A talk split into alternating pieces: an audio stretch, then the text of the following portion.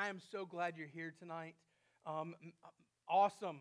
First day of Memphis fall, kind of get a break in the weather, and then we get up this afternoon out in the nice, you can drink the air. It's so humid, right? Um, but I'm so grateful you're here. We um, have not really a series that we're going through. Since we're meeting every two weeks, it's kind of unique. Um, and we also know in this season that life is a little bit transient, right? Because we're not even really officially a church start yet. We're just doing the soft launches. This concept of soft launch being, man, the church is for, for those that aren't here yet. if you think of it this way, um, you think you sit down as newlyweds and you sit down and you're so excited and you get to spend life together. And then you start to think about the family. Man, to stay in whatever that little apartment was, I don't know what, when you first got married, and some of you are going, one day, one day I'm going to get married. Um, but um, whatever that was, man, to stay in life in that moment, man, it's not okay, right? You want things to grow and move into that thing. And the same thing, the church is a family that's growing. And not just this church, I'm talking about the church. And it's for those that aren't here yet. We can minister to one another, but if we do that, man, you might as well go sign up um, for the Germantown Athletic Center and join that like, country club kind of thing.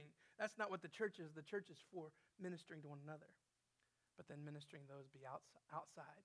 And so tonight, as we talk um, through this concept, Selah Memphis is a Jesus church for anyone and everyone to pause, belong, and respond. And last time we met, we talked about pausing and what that looks like. And this idea of pause is something that's foreign to us. We hope and we, we kind of talk about it and we kind of talk in circles about um, spiritual things, but sometimes we rarely do something about it. And um, if you know me, I'm a little bit of a bull in a china shop, okay? Um, I have this, um, let's do, let's go, right? Let's, let's, let's do it right now. Let's, like, uh, my Tennessee volunteers had a horrible night last night. And um, we had company over at the house, and the kids were up, so my language was really good, okay? Um, and I wasn't screaming, and we were trying to have a conversation, and they're students of ours, so they're asking these deep theological questions, and I'm getting distracted by Tennessee getting stomped by Florida. Um, and, and this idea of being super passionate about something, man, I, I, I don't even want to mention this to you, but I sent an email to the athletic director at Tennessee six years ago. I did. I was that guy. And now I'm going, oh my goodness. Like, I receive some of those emails every now and then. I'm like, why did I do that, right? I'm just a passionate person that wants to go. And when we talk about pausing, I'm like, okay, let's go. Let's pause, right? That's what I want to do. But in this season, the Lord's really been teaching me that pausing is surrender. If you think of it this way, um, every human, why did God create us to where we had to fall asleep at night? He didn't have to make us that way. He could have made it to where we're like Superman. We get out in the sun and all of a sudden our bodies are recharged, right? We didn't have to even have bodies that decayed in that manner. He could have created us a different way, but here's what he did. The Bible says he is the God who neither slumbers nor sleeps when he keeps watch over Israel and the nation of Israel. He doesn't even slumber now, I've been watching Tennessee football before where I've started doing that number on Sunday afternoon, Saturday afternoon, because it's boring. Watch this. When you think about slumbering, God doesn't get bored with us. But then He doesn't sleep, but we do. So, in a little while, when you lay your head on your pillow tonight, what are you doing? Consciously, subconsciously, willing, unwilling, you're declaring He's God and you're not. You can't do His job. And when we pause, it's a physical, spiritual, emotional, and mental concept of saying, I can't do your job. And I'm trying to do things. And I need you to do these things through me. That's what we mean by pause. That's the word Selah. Watch this. And when I pause, I give him space. And when I give God space, inside that speak, inside the space, God always speaks grace. And that's what we're going to talk about tonight. You see, we all want to be committed to something. We all want to be a part of something. To live life alone. I like watching some of these Discovery, they're kind of docudrama type things, but like History Channel and National Geographic. And these people, probably because I anticipate that I would like it and I would never like it, but these people that it's called Life Below. And they literally live miles above the Arctic Circle. And they try to survive off the land and all this stuff. There's this one woman, she runs the northernmost uh, airport. And it's literally like the, oh no, what are we going to do airport? I need fuel, otherwise I'm going to die, right? And she runs this airport. She goes nine months out of the year not seeing another soul except for people who fill up and leave. And some of you are going, oh, that sounds really good to me, right? I remember thinking that way. And then a few years ago, we had this awful, crazy sickness happen in our home.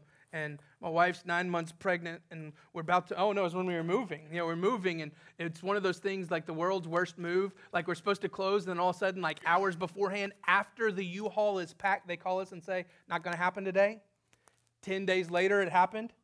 So my wife is eight months pregnant, and we're sleeping on a mattress and have a TV, and that's it that's in the house. Everything else is on the U-Haul.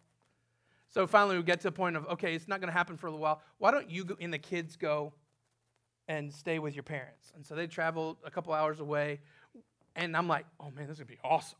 I don't have anything in this house. I've got to work during the day, and I'm gonna come home, stay in this bed, and watch TV, hang out, bachelor it up. And I was miserable. I thought I would love it, and I was miserable. Why? Because inside all of us, God's created us to belong to something, to someone, not in an ownership kind of way, to be a part.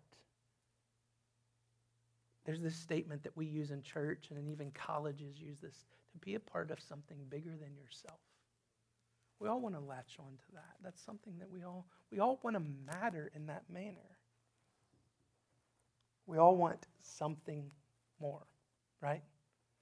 You look at life, even if life's great right now, we all want something more. We all desire a greater thing than what's now.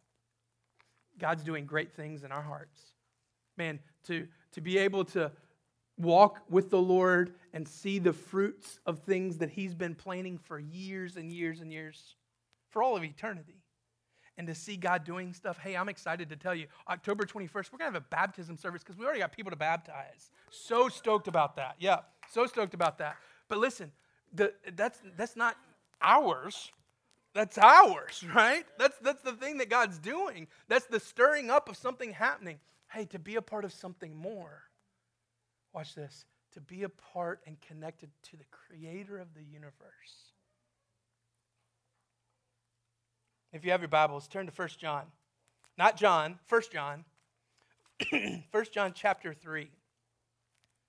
1 John chapter 3. See, when we give God space, He speaks into our lives grace, and it's always a belonging concept. I've said this to you before, but in this idea, watch, I belong to Him, He belongs to me. There's this belonging concept with the Lord, and that happens in the pause if the prodigal, prodigal runs away and then comes back, what's the first interaction? No, you've always been my son. You've always been my kid. You still belong, right? My heart's breaking, and I hate to, like, this is always one of those trigger things, okay? Don't trigger this. But my heart's breaking. There's a senator, I think he's in Arizona. I saw something on horrific Facebook right now, right? With all this stuff. He's got six brothers and sisters, and they have all been campaigning for his opponent like, holy smokes, what is going on in this family, you know? And the idea that we belong is understood. Hey, there's the King of Kings, the Lord of Lords, that's asking us to belong into a relationship. He just needs space to pour out his grace into our lives. And then he says, heir to the throne, child of the king, son of the most high God. That's what he says in those moments. Watch this. This is what God does. When we pause, he does this. 1 John chapter 3 verse 1. See what kind of love the Father has given to us that we should be called children of God and so we are. The reason why the world does not know us is that it did not know him. Beloved, we are God's children now. And what we will be has yet to be yet to appear. But we know that when he appears, we shall be like him because we shall see him as he is. And everyone who hopes in him purifies himself as he is pure. Oh, tonight, we need to understand that when we pause, it's a space for us to surrender to the Lord. And when we surrender to the Lord, we have to acknowledge this. We need to acknowledge the Father's unique gift of a unique love. We need to acknowledge that this is not something that I have. And when we talk about love, this is a unique love that we usually don't talk about. The Bible says, See what kind of love the Father has given to us. It's almost like, hey, hey, stop what you're doing and look, pay attention. Or if you remember in college, hey, this will be on the test. Remember that statement? And we're like, oh, hey, hey, you got to pay attention now. It's like, hey, can I get your attention? Look and see. Stop. Pause for a moment and contemplate the kind of love the Father has given to us. Two things it's a unique kind of love and a unique kind of gift. This is not something that I've owned. We know in Scripture, and you've probably heard it before, there's four types of love in Scripture. Greek, Greek word for love. Greek language is, you know, you've heard it say is Greek to me because their language is so, so big. So I love pizza, I love my wife. It's not the same love right? It's close. No, I'm just kidding. Um, it's not the same love. It's not. It's not. I love what God's doing in this moment. I love the King of Kings and the Lord of Lords. I'm using one word, where in the Greek they have multiple words, four that are in Scripture. Watch. It's very point or very appropriate not to dive deep in intellectual, but let the things that process through your mind hit your heart. What kind of love See what kind of love this is. Well, let's see what kind of love this is. There's four types of love in, in Scripture. The first one is eros, erotic. You've heard that word before. It's a sexual love. It's a self seeking love. Not that it's wrong. Inside the right context, it's right. Some, it's very right in the right context, right? But in, inside the right context, it's right. But watch. I own this. This is a natural emotion inside of me. God's given me the ability to love my wife in that manner. It's not a gift that I had to get given, it was a natural thing that every human being has. It's very self seeking, though. Uh, uh, uh, if you're a hunter, you understand this. Usually, you hunt around the times that the animals are mating because they get stupid in their head. That's what happens. You've seen it. I did stupid things in high school and I won her, right? Right? I won her. There's multiple times that I think about how much money I spent on that first prom. Oh my goodness, what was I doing? I had a florist deliver four times through the night. Hey, I rolled, I rolled deep then, y'all. I got the dude downtown to bring the horse and buggy so that we could go the mile and a half and roll up to prom in the horse and buggy. Y'all, we went all out. Love to have some of that money back, but I do we do stupid things inside that love because it's a self-seeking love. There's another love, a philia love. The the city of brotherly love, Philadelphia, right? This is a friendship love. Watch. Just in, in not in appro- inappropriate ways, but appropriate ways, I give and take in this type of love in a friendship way. Man, you've got friends from high school, right? You hadn't talked to them in a while. Why? Well, we just kind of fell away. Is that inappropriate? No, it's not inappropriate. But both takes two to tango. They didn't call you, you didn't call them, right? A friendship kind of love, it's you have to do something, but you're always waiting to get back. The moment you don't get back, you don't play with them anymore. Look, let's go watch in big big church right now, right? We can roll over to big church and kids. Man, oh, there's certain kids playing with certain kids. Why? Because their friendship is built in that manner. No, he never shares. I'm not going to play with him. Well, yeah, he shares sometimes. I'll play with him. Well, that's still self seeking. I'm going to give, they're going to take. A give and take. Sometimes we mess up marriage and we say it's this a give and take relationship, and it's not. There's another love storge love. It looks like storage because our typo always tries to change it, but it's actually, instead of the A, it's just GE. But this is a natural bond. This is a family love, right? You were born into this family. Talking about that senator, man, my goodness, what's going on in that family? You have a natural love for your mother, a natural love for your father. Now, experiences change those things, and sometimes that alters, obviously. But you don't have to be taught to love a family. That happens naturally. I still own those. See what kind of love the Father has given to us. He's not given us any of those, we already had them. Look at the love that He's given us. You have heard this term, agape.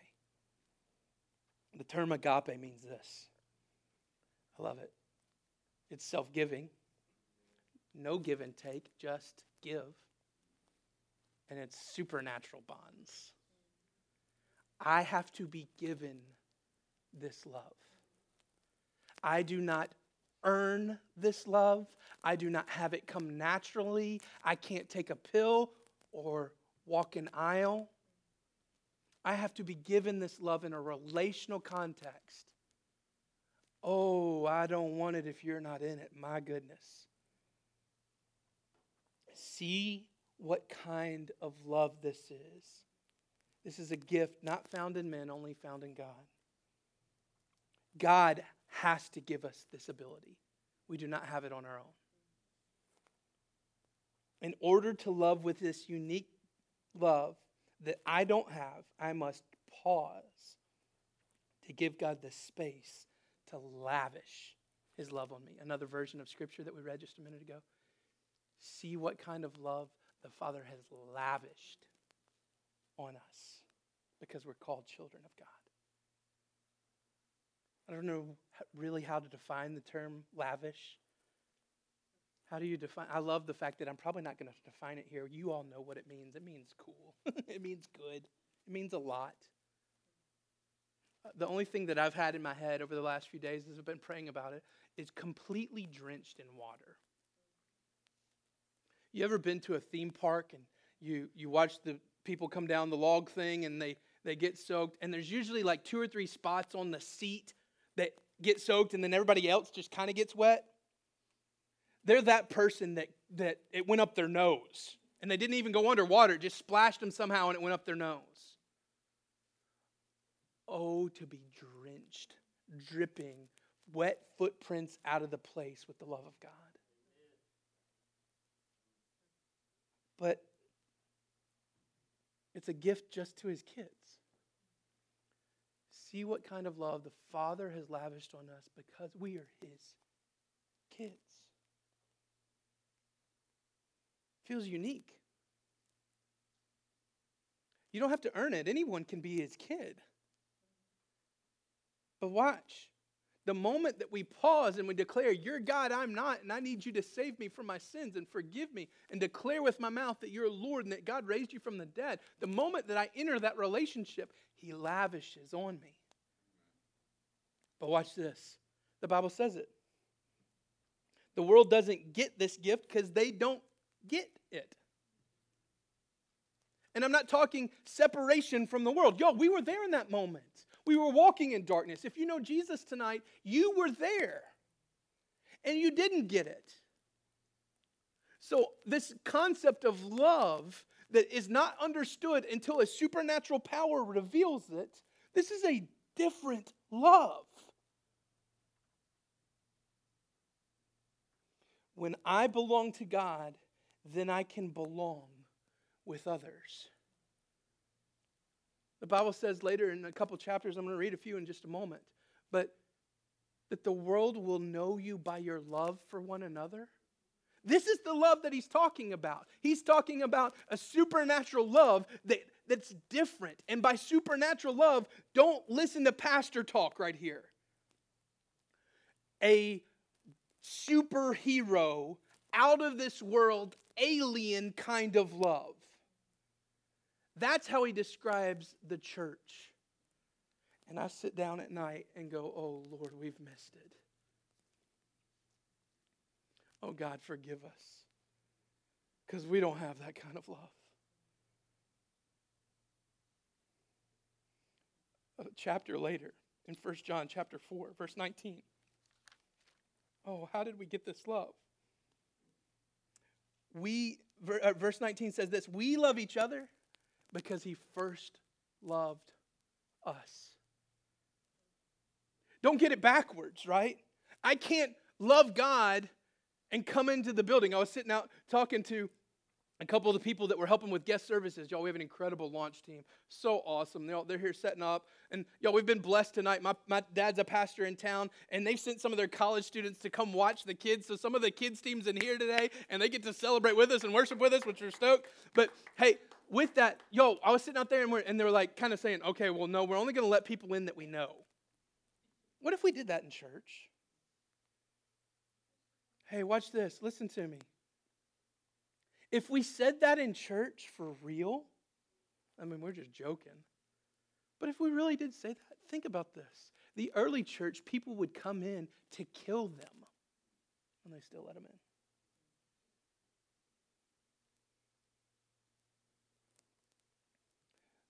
Oh, see the kind of love that the Father has given to us, that He's lavished on us. And we're called sons and daughters of the King. But sometimes our supernatural love that we're supposed to be known by is real weird. It doesn't, and it's not like good weird. like when I'm talking about supernatural love, that should be weird, but not in this kind of way. I was reading this past week, and this was a big moment for me. In Philippians chapter 1, verse 27, it says this, and you read it on the screens. Above all, you must live as citizens of heaven. Oh, do we look like citizens of heaven right now? Conducting yourselves in a manner worthy of the good news about Christ. Then, whether I come and see you again or only hear about you, I will know that you're standing together. This is Paul writing to the church at Philippi with one spirit, one purpose, fighting together for the faith, which is the good news. Oh, read this and, or hear it and, and please see it. What is the good news? The good news is that we're standing together in faith. How we're united under Jesus as the head of the church. The, the world has weird perspectives of the church, right? You walk up to people that don't know who Jesus is, they've never really experienced church, they're going to give you a weird interaction with the, what the church is supposed to be. Do they say things like citizens of heaven? One spirit, one purpose. Oh, that we would be that church. Here's what I think's happened. Jesus said, I've given you good news to go tell the world. And we said, Well, good, but what if we made it great? Good's a good word, Jesus. And you've done some great things. But maybe we made it better news. God gave me a funny illustration this past week. To see the kind of love that God's given us, that we would be called sons and daughters, and the world would experience it to where they can become sons and daughters of the King. It's like an ice cream. If you were to think about this for a moment, if you're on, if we were all in this room and none of you had ever tasted ice cream, and I'm talking, uh, some of you might hate it, but the Chick fil A ice dream, you know what I'm talking about? I got the cone and they went all out, okay? Like the dude has talent and it's two feet tall. You know what I'm talking about, right? If I turned it sideways, we'd all cry, right? I'm holding ice cream and you've never had it before you don't have a concept of what it is. And I start to lick it, and you're going, What in the world is that thing? Think about it. You've never experienced it before. And then you taste it. Okay, I see what this is about. What if that's the church? That's the good news. Taste and see that it's good. Oh, look at this thing. Look at this thing. It's different. It's unique. Hey, that I, y'all would huddle around me, right? Like, what's this dude doing? And then the moment you taste it, holy smokes! Jesus says, Taste and see that I'm good. That's the good news. But here's what I think we've done in the church Jesus gave us the ice cream, and we tried to make it better. And in this process concept, and I'm not being, I'm not talking about the bride of Christ in a disparaging way because y'all have been there and done that. This is what God's taught us and brought us out of. But instead of an ice cream, I've got a cow. Sure, we can get there, but hey, hey, Jesus, you know what? This might be cheaper if we did it this way. We might have a better process. Hey, we could really mass market this. We could really pump out a whole bunch of ice cream. And he's saying, No, you're missing it. I just want you to delight in it. He's saying, Why are you making this so difficult? See the kind of love the Father has given to us. Let's let the processes that we've created in our church culture fall off. Because we walk into the world with a cow and they're going, Why do I want that? And you're telling me that's good? And I'm supposed to taste that? No wonder we do not see people excited about the love that we have within us. Because we've altered this love. See the kind of love the Father has given to us. Guys, see it. Do you see it? Do you see that it's different? Do you see that it's supernatural? Do you see that it's a little weird, but not in the way that we've gotten to? That we have a love for one another that flips the world upside down. Mm.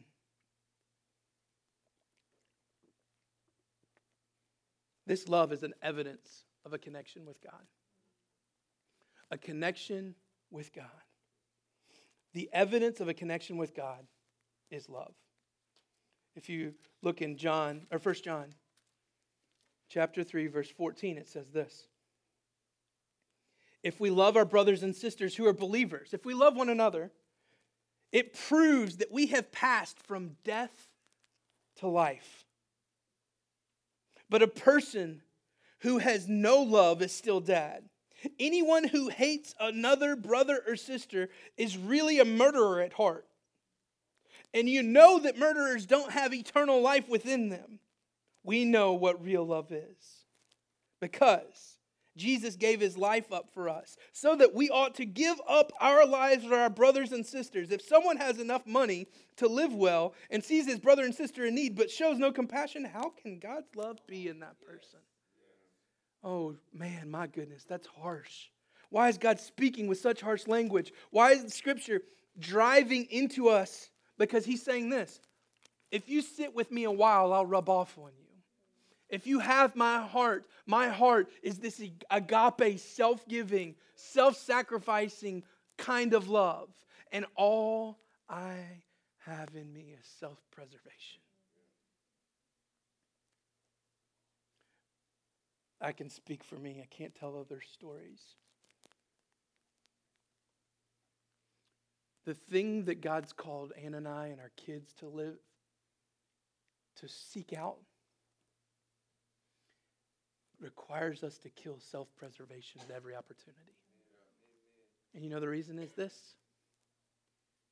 I can't preserve myself.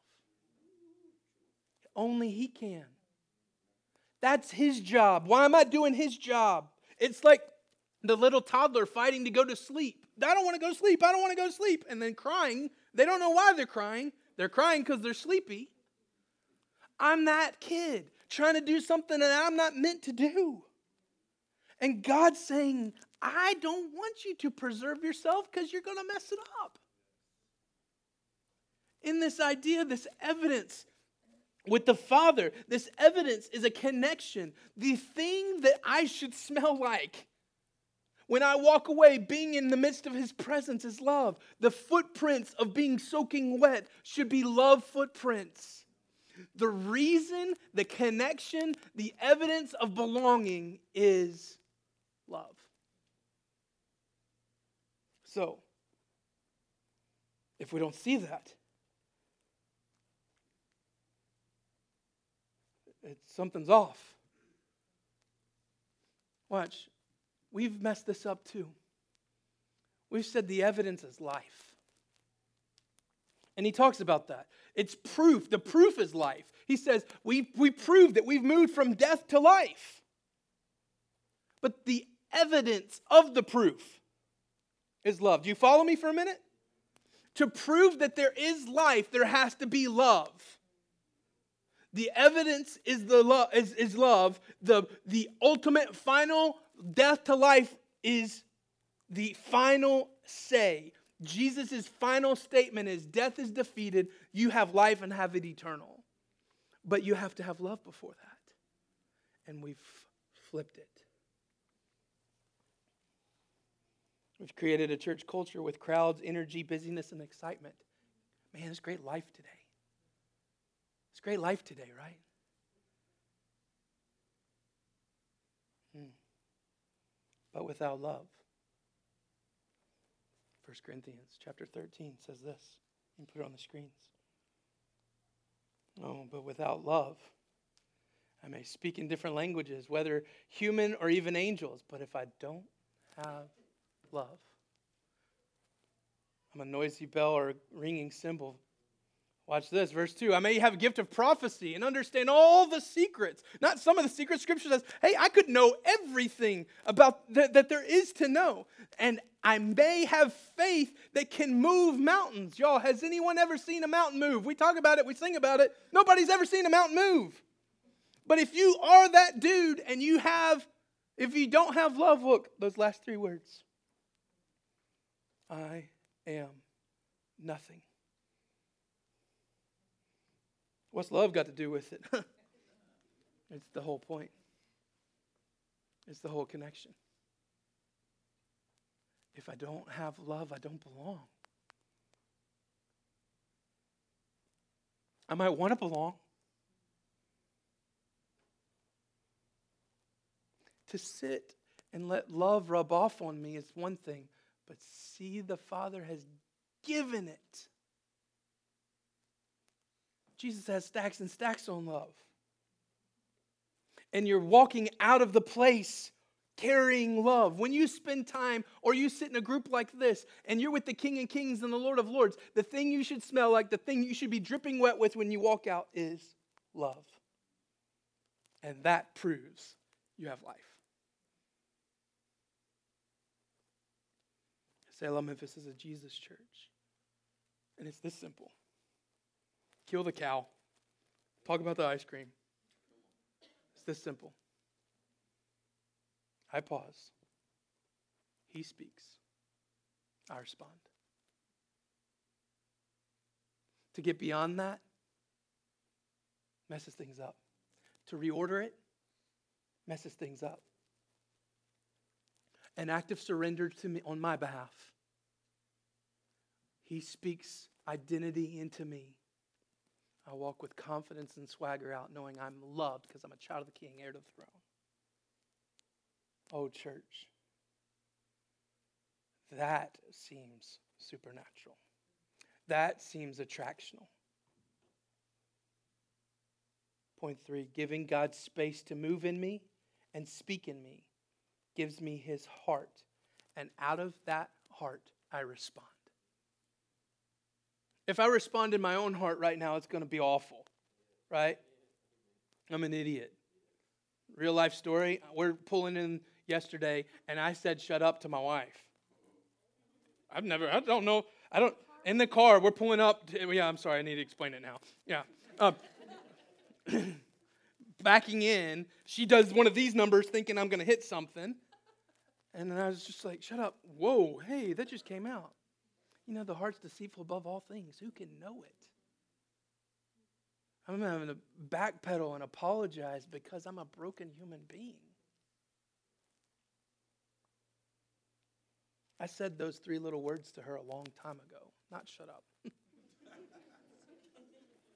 I said, I love you a long time ago. Those words, I say them again today. They're the same three little words, but they mean a lot more. Why? Because of the interactions, the experiences, the conversations.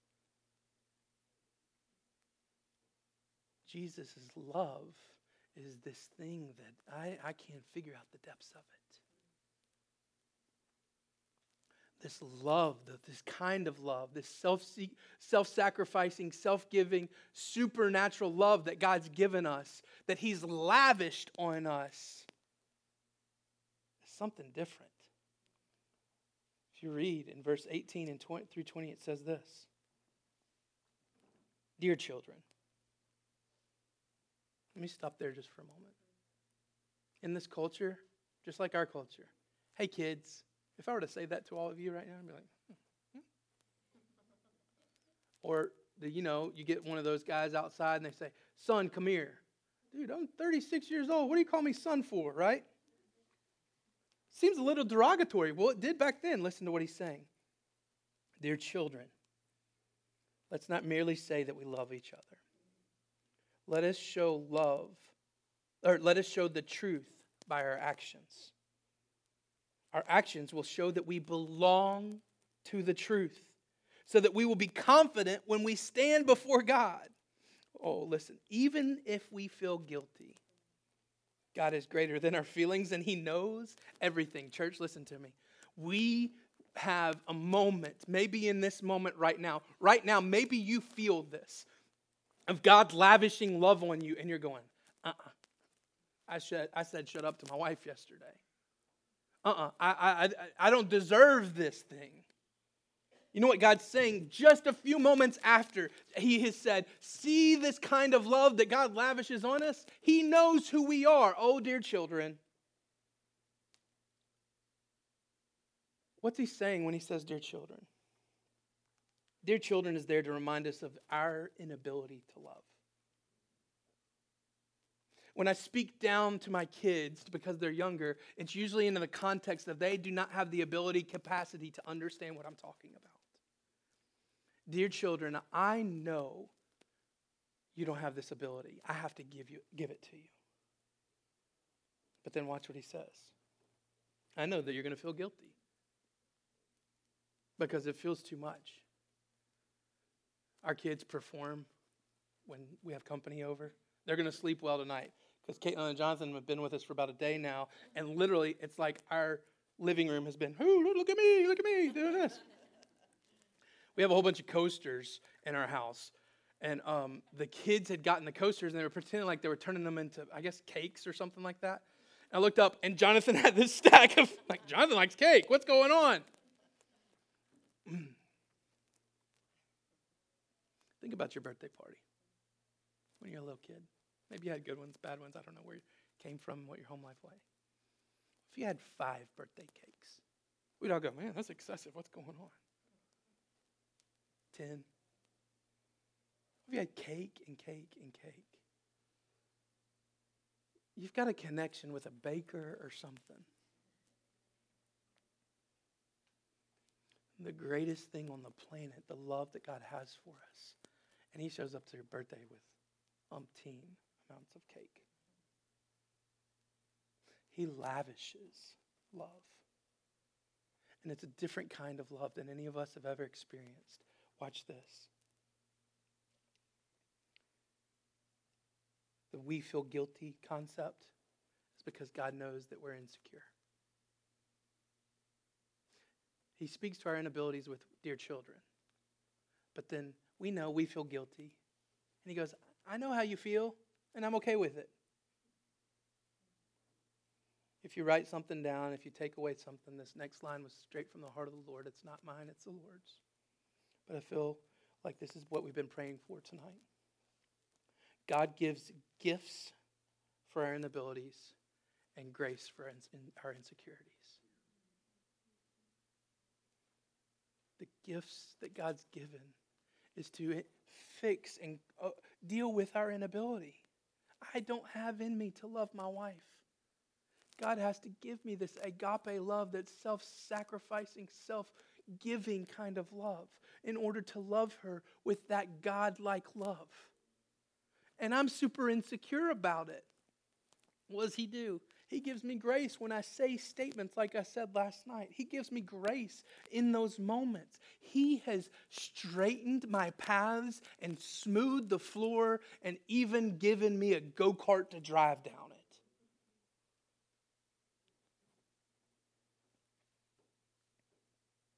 What do you lack? To the church.